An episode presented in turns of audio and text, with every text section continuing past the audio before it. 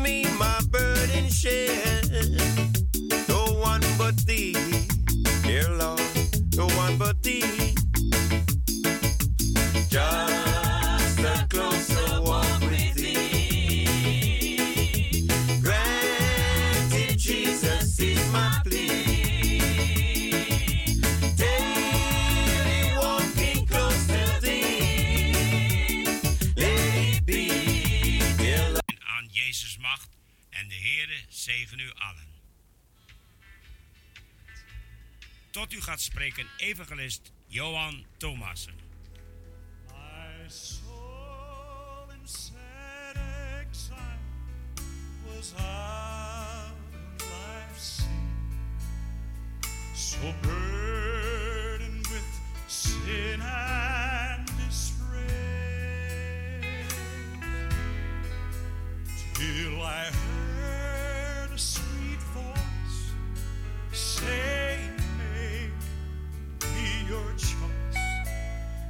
I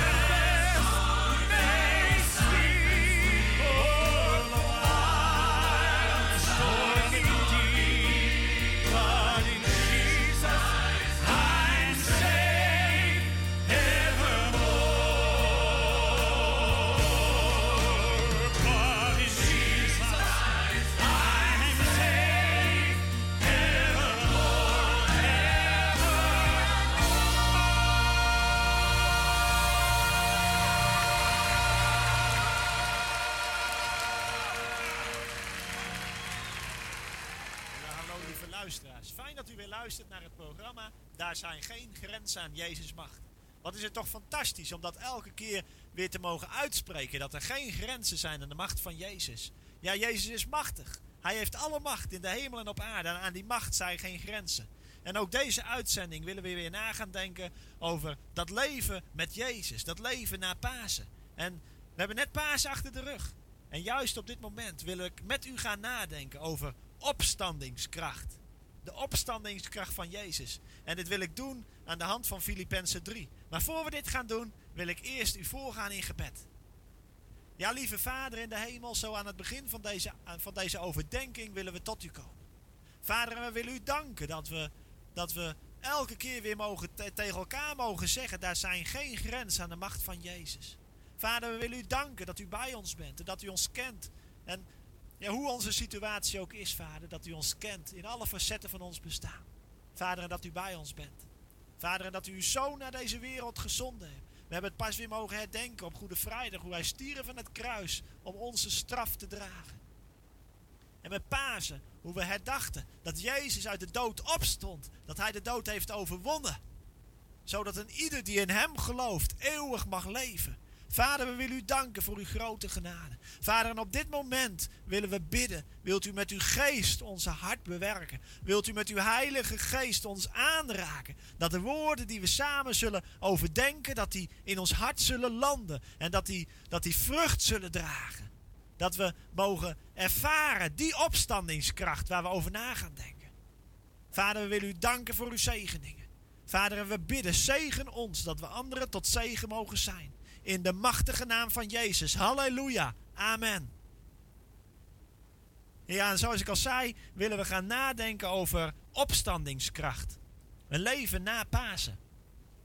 En daarvoor wil ik met u lezen uh, Filippenzen 3 vanaf het tweede vers tot en met het zestiende vers. Filippenzen 3 vanaf vers 2 tot en met vers 16.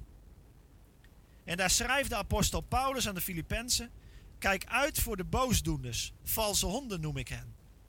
Die willen u laten besnijden. Want door dat snijden in uw lichaam maakt u het echt niet in orde met God. Waar het om gaat, is dat wij God door de Heilige Geest aanbidden. Dan zijn wij pas echt besneden. Wij beroemen ons op wat Christus voor ons gedaan heeft. Als iemand op zijn afstamming en inspanning kon vertrouwen, was ik het wel. En als anderen dus denken op hun Joodse afstamming en eigen inspanning te kunnen vertrouwen, dan kan ik dat nog veel meer. Volgens voorschrift werd ik op de achtste dag besneden. Ik ben een ras-echte Jood uit de stam van Benjamin, een echte Hebreeër. Want het naleven van de Joodse, wat het naleven van de Joodse wetten betreft, behoorde ik tot de Fariseeën. Ik was zo fanatiek dat ik de christenen probeerde uit te roeien. Ik week zelfs op geen enkel punt van de wet af en er was in dat opzicht dan ook niets op mij aan te merken. Maar al deze dingen, waar ik vroeger zoveel waarde aan hechtte, zijn voor mij waardeloos geworden, omdat ze mij afhielden van Christus. Daar zegt Paulus nogal wel niet wat. Ze hielden mij af van Christus. Hij dacht dat hij goede dingen deed, dat hij ja, bij God in het goede daglicht stond. En hij is tot de conclusie gekomen: deze dingen hielden me van Jezus af. Echt, gaat hij verder. Ik beschouw zelfs alles als waardeloos, omdat niets meer waarde heeft dan het kennen van Christus Jezus. Ik heb alles als vuilnis weggegooid om Christus te kunnen ontvangen en één met Hem te zijn. Ik reken er niet meer op dat ik door het houden van allerlei wetten met God het, in orde kan maken. Nee, daarvoor vertrouw ik nu op de Heer Jezus Christus.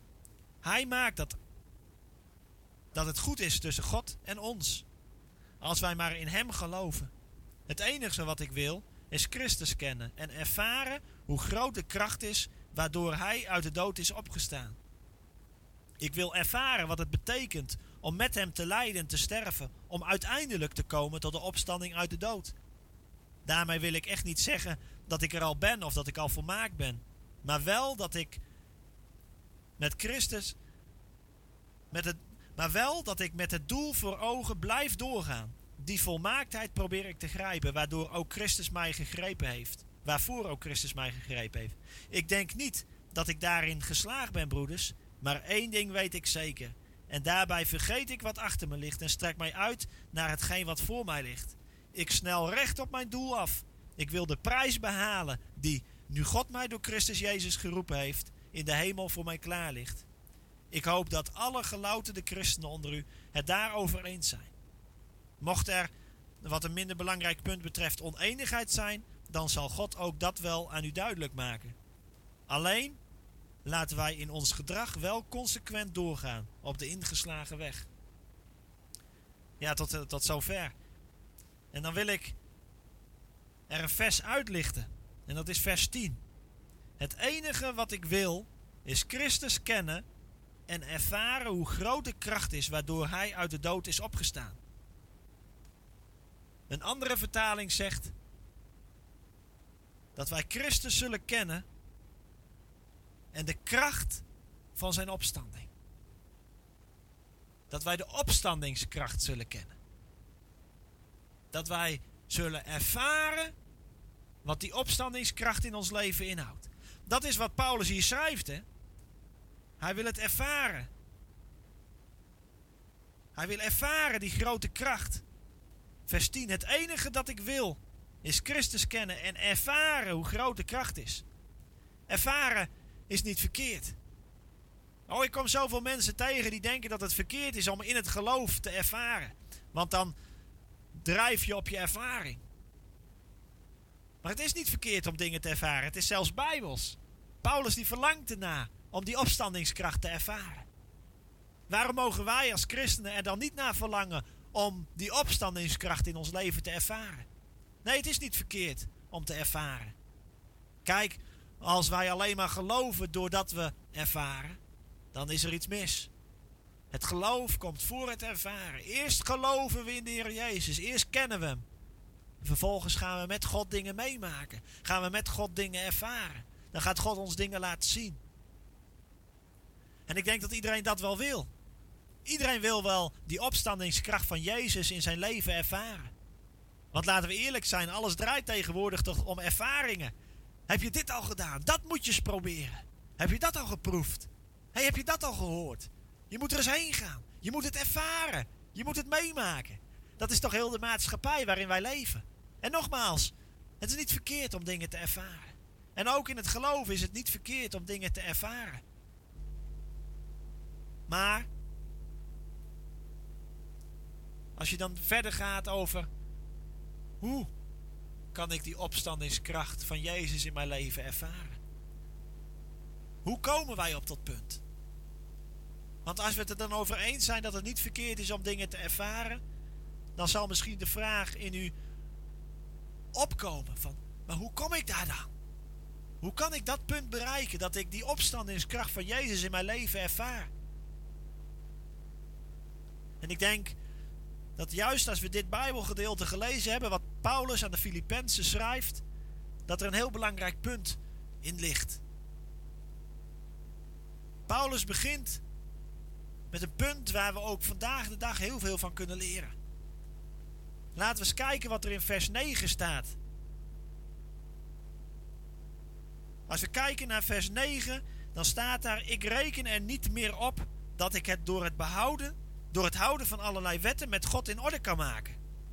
En ik denk dat dat een hele grote sleutel is om die ervaring te kunnen hebben. Om met God te kunnen wandelen. Om in dat opstandingsleven te wandelen met Hem. Om die opstandingskracht in uw leven te ervaren. Het is een sleutel die Paulus u aanreikt. En die ik u wil aanreiken op dit moment. Een sleutel die ik u wil geven. Om, om binnen te gaan in dat leven met Jezus. Om binnen te gaan in die opstandingskracht.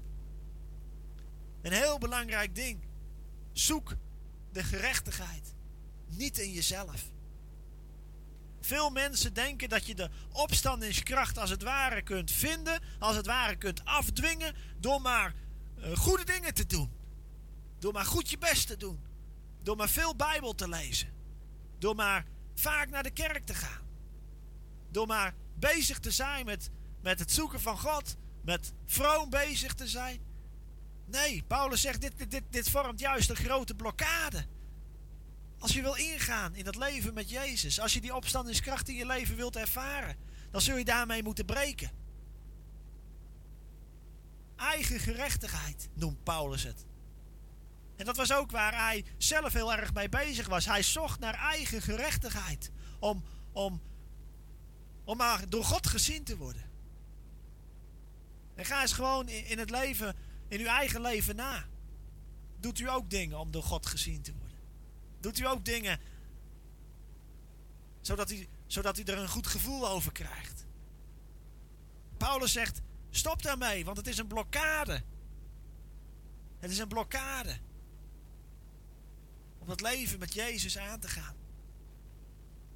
Als we goed naar ons vers kijken, naar vers 10, dan laat Paulus ons zien dat het kennen van Jezus, het kennen van Hem, voorafgaat aan het ontdekken van de opstandingskracht. Hem kennen is dus ook een sleutel. Kijk, als wij onze eigen gerechtigheid afleggen, dan leren we Jezus kennen. En zijn opstandingskracht kunnen we alleen ervaren als we Hem kennen. En dan willen we ja, gewoon heel kort gaan nadenken over dat woordje kennen. Wanneer kennen wij Hem? Dat is, een hele, dat is een hele logische vraag. Wanneer kennen wij Jezus? Het wordt soms zo makkelijk gezegd. Ken je Jezus? Ja, ken Jezus. Halleluja, amen. Dan gaat het goed. Nee, maar kennen wij Hem? Anders gezegd, kent Hij u? Kijk, wij kunnen zeggen dat we Jezus kennen, maar het is een betere vraag of Hij ons kent. Weet u nog dat Bijbelgedeelte uit Matthäus 7? Waar Jezus zegt en tegen zijn discipelen, als hij vertelt over het einde, dan zegt hij, en zij zullen tegen mij zeggen, heren, heren, maar ik zal tot hen zeggen, ga weg van mij, want ik heb u niet gekend. Kent u hem? Bent u door hem gekend? Kent hij u? Dat is een vraag om bij stil te staan. Wij kunnen soms zo bezig zijn met die opstandingskracht te willen ervaren, dat we deze vraag vergeten. Kent hij ons? Kennen wij hem? Met andere woorden, hebben wij een relatie met hem? Want als wij geen relatie met hem hebben, dan kunnen we zoeken naar die opstandingskracht. Dan, kunnen we zoeken naar die. Maar dan zullen we het niet vinden. Want die ervaring, die opstandingskracht, ligt verborgen in Jezus. En hij geeft het ons als we een relatie met hem aangaan. Dat is dus een heel, heel belangrijk punt. punt. Kennen wij hem? Hebben wij een relatie met hem?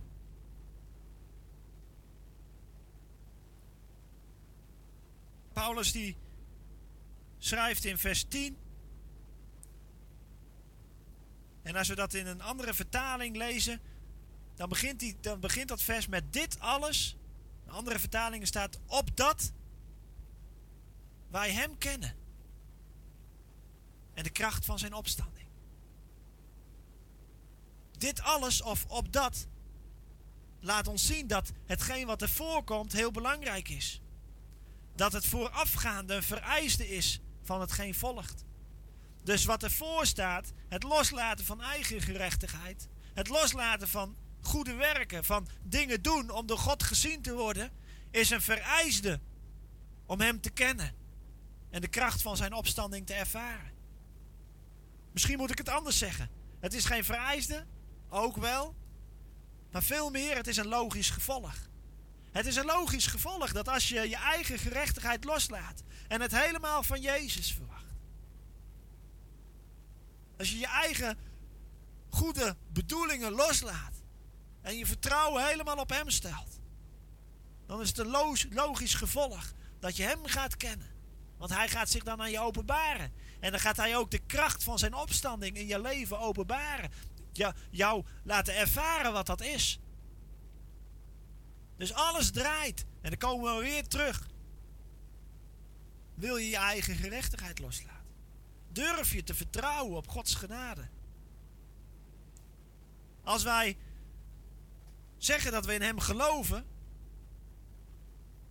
en dat horen wij vaak, ja, wij geloven in de Heer Jezus. Maar dan wil ik vragen, geloof je echt in Hem? Want geloof is het bewijs dat je je eigen gerechtigheid losgelaten hebt. Wandelen in geloof gaat dus veel verder als zeg ik geloof in Jezus. Het gaat veel verder. Gelooft u echt in Hem? Gelooft u echt dat Jezus uw zonde heeft betaald aan het kruis op Golgotha?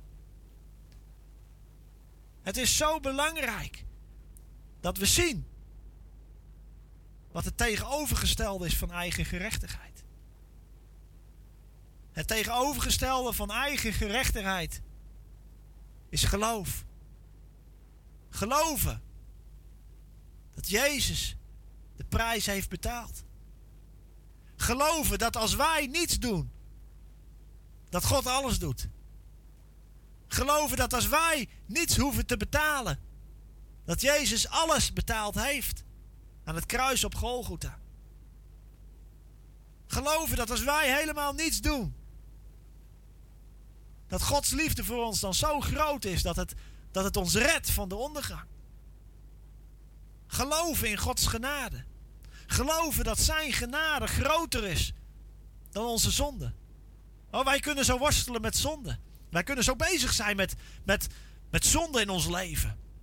En ik kom, en ik, ik, ik zeg dit nou, ik kom zoveel mensen tegen die worstelen met zonde in hun leven. Misschien bent u wel zo iemand. U worstelt met zonde in uw leven. En u, u zondigt en vervolgens gaat u allerlei goede dingen doen om maar weer een beetje een goed gevoel te krijgen. En dat is nou precies waar Paulus hierover schrijft, die eigen gerechtigheid. Dat je, omdat je zondigt, maar zo goed je best gaat doen, zodat je misschien denkt, nou, dan misschien ziet God me dan nog wel. Ik kom van de Veluwe en daar hoor je heel vaak van, als we maar drie keer naar de kerk gaan, als we maar bidden, als we maar Bijbel lezen, dan zal God in zijn grote genade misschien nog naar ons omzien. En dat is nou precies de vuilnis waar Paulus het over heeft. Kijk, vaak denken wij dat die vuilnis waar Paulus over schrijft, dat dat de zonde in ons leven is. Maar dat is helemaal niet zo. Het is niet de zonde in ons leven waar Paulus hierover schrijft. Het is datgene wat we doen om de zonde in ons leven weg te poetsen. Het is dat wat we doen om de zonde in ons leven te verbloemen. Het is dat wat we doen om de zonde in ons leven nog enigszins goed te maken. Dat is die vuilnis die we aan de weg moeten zetten. Dat is die vuilnis die we uit ons leven weg moeten doen. Eigen gerechtigheid. Niet de zonde. Niet de zonde. Nee, de eigen gerechtigheid. En dan, ik zei het net al, dan hoor je vaak zo dat God in zijn grote genade nog maar eens naar ons mag omzien. Nou, ik wil u zeggen, deze, deze uitzending. God zal nooit naar ons omzien om wat wij gedaan hebben. Maar God kijkt naar ons om wat Jezus voor ons gedaan heeft. Omdat Jezus de straf gedragen heeft. Omdat Jezus gezegd heeft: Vader, ik wil gaan om de straf te dragen. En omdat Jezus daar hing aan het kruis. En omdat Jezus uitriep: Vader, het is volbracht. Het is volbracht. De straf is betaald. De zonden zijn weg.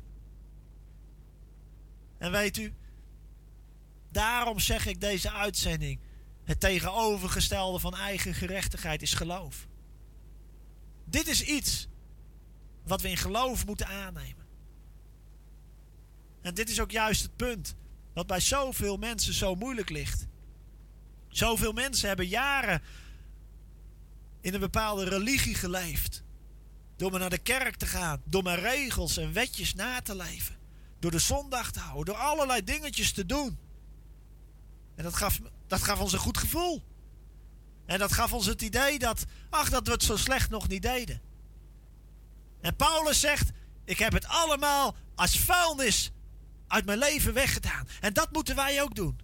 En daar wordt het zo moeilijk. Want dan moeten we iets wat zo vertrouwd is, iets waar, wat we ons zo zelf eigen gemaakt hebben, dat moeten we wegdoen uit ons leven. Dat wat ons jarenlang houvast gaf. We wisten dat we zondags waren, maar dat gaf ons nog een beetje houvast. Dat moeten we wegdoen. En er komen veel mensen aan met Calvijn of met moeder Teresa. Of, of noem maar op. Sommige mensen komen met bijbelteksten aan waaruit, waaruit, uh, waaruit ze willen aantonen dat ze zelf iets moeten doen. Andere mensen zeggen van ja, maar die heeft zo'n goed leven gehad, die gaat toch niet verloren. Dat is allemaal eigen gerechtigheid. Allemaal denken dat we zelf nog iets moeten toevoegen aan het werk wat Jezus voor ons gedaan heeft. Laten we daarmee stoppen. Laten we daarmee ophouden. Laten we gewoon de genade van God aannemen. Laten we gewoon die uitgestoken hand van Jezus met twee handen vastpakken. En zeggen: Heere Jezus, ik wil op u vertrouwen. Ik wil mijn leven aan u geven. Ik hou van u. En ik, ik, ik erken u als mijn Heer. Ik erken u als mijn verlosser. En ik, ik, ik weet dat ik niks anders kan doen als alleen maar in u geloven. Zodat ik eeuwig leven ontvang. Zodat ik het opstandingskracht in mijn leven mag ervaren. Dat is de sleutel. Dat is wat Paulus ons aanreikt. En als u het moeilijk vindt om die dingen waar u zo lang in geloofd heeft los te laten, dan laat Paulus zijn eigen leven zien. Paulus was overtuigd van zijn gelijk. Paulus dacht dat hij voor God zo goed bezig was, tot hij op de weg naar Damascus kwam. En dat hij die stem was: Saul, Saul, wat vervolgt gij mij? En hij, viel van zijn paard, hij lag op de grond en hij zei: Heer, wie bent u? En dan was die stem weer: Ik ben Jezus, die jij vervolgt. Dat is wat Paulus bedoelt. Hij is door Christus Jezus gegrepen. En als u moeite heeft om, u, om, om, om al dat vertrouwde, om dat los te laten, dan daag ik u uit. Vraag de Heilige Geest of Hij u daarin wil leiden. Vraag de Heilige Geest of Hij u zo'n Damascus-ervaring wil geven. Dat u overtuigd raakt van Gods gedaden. En dat u, ondanks wat, u, wat uw vrienden zeggen, wat uw familie zegt, wat, wat, wat mensen in uw omgeving zeggen, maar dat u, durft, dat u een statement durft te maken. En dat u zegt: Ik stap eruit. En ik wil vrij zijn in Jezus. Ik wil mijn leven aan Hem geven. Ik wil in dat opstandingsleven gaan leven. Ik wil mijzelf overgeven aan Hem. En dan zult u die opstandingskracht in uw leven ervaren. Dan zult u werkelijk weten wat het is om te leven na Pasen. Oh, en ik vind het zo mooi om u, om u uit te dagen. Om u mee te nemen naar dat opstandingsleven. Dat willen we toch allemaal. Met hem leven in eeuwigheid. Hebreeën zegt: geloof is een zeker weten van dat wat je hoopt. Geloven is zeker weten dat, dat, dat datgene wat je hoopt werkelijk zo is. De Bijbel zegt wie in de Zoon van God gelooft, heeft eeuwig leven. En dan is mijn vraag, geloof je dat? Durf je dat in geloof aan te nemen? Dat, dat als je in Hem gelooft, dat je eeuwig leven zult ontvangen. Er is zo'n mooie belofte in Romeinen 8 vers 11. En indien de geest van Hem die Jezus uit de dood heeft opgewekt in u woont, zo zal Hij, die Jezus Christus uit de dood heeft opgewekt, ook uw sterfelijke lichamen levend maken door zijn geest die in u woont. Halleluja! Dat is opstandingsleven. Dat is opstandingskracht. Door geloof. Zet al uw eigen goede werken toch aan de kant. Ik wil u uitdagen die stap te zetten. Ik wil u volgaan in een gebed. En als u, als u voelt dat de geest u dwingt. Als u voelt dat Jezus aan uw deur klopt, dan vraag ik u mij na te bidden. Want dit is het moment om dat leven binnen te stappen. Dit is het moment om die opstandingskracht te ervaren. Waar u bent, maakt niet uit. Hij wacht op u. Hij staat daar met een uitgestoken hand. Ook al bent u in de keuken, ook al bent u buiten of waar u ook bent. Bid mij na. En de woorden die u uitspreekt. Laat die werkelijkheid zijn. Bid ze niet met uw verstand, maar bid ze met uw hart. En ik beloof u, in de naam van Jezus, Hij zal zichzelf aan u openbaren. Hij zal zijn opstandingskracht in uw leven werkelijkheid maken. Laten we samen bidden. Laten we samen, zoals de Hebreeënbrief het zegt, toegaan tot de troon van de genade. Genade. Zo oneindig groot, zingt het mooie lied, dat ik, die het niet verdien, het leven vond, want ik was dood, ik was blind, maar nu kan ik zien. Zullen we samen bidden? Heere Jezus, op dit moment aanvaard ik uw offer voor mij aan het kruis. Heer Jezus, ik geloof dat uw offer volmaakt en genoeg was. Ik breek met het streven naar eigen gerechtigheid. En ik vraag u of u door, door uw geest mij de kracht wil geven dit vast te houden. Ik dank u voor uw genade. Ik dank u dat ik deel mag hebben aan uw opstandingsleven. Ik dank u dat ik niet zelf hoef te doen, maar dat u alles voor mij gedaan hebt. Ik prijs uw heerlijke naam. Halleluja. Amen ons u te kennen. Leer ons te leven, te lijden, te wachten.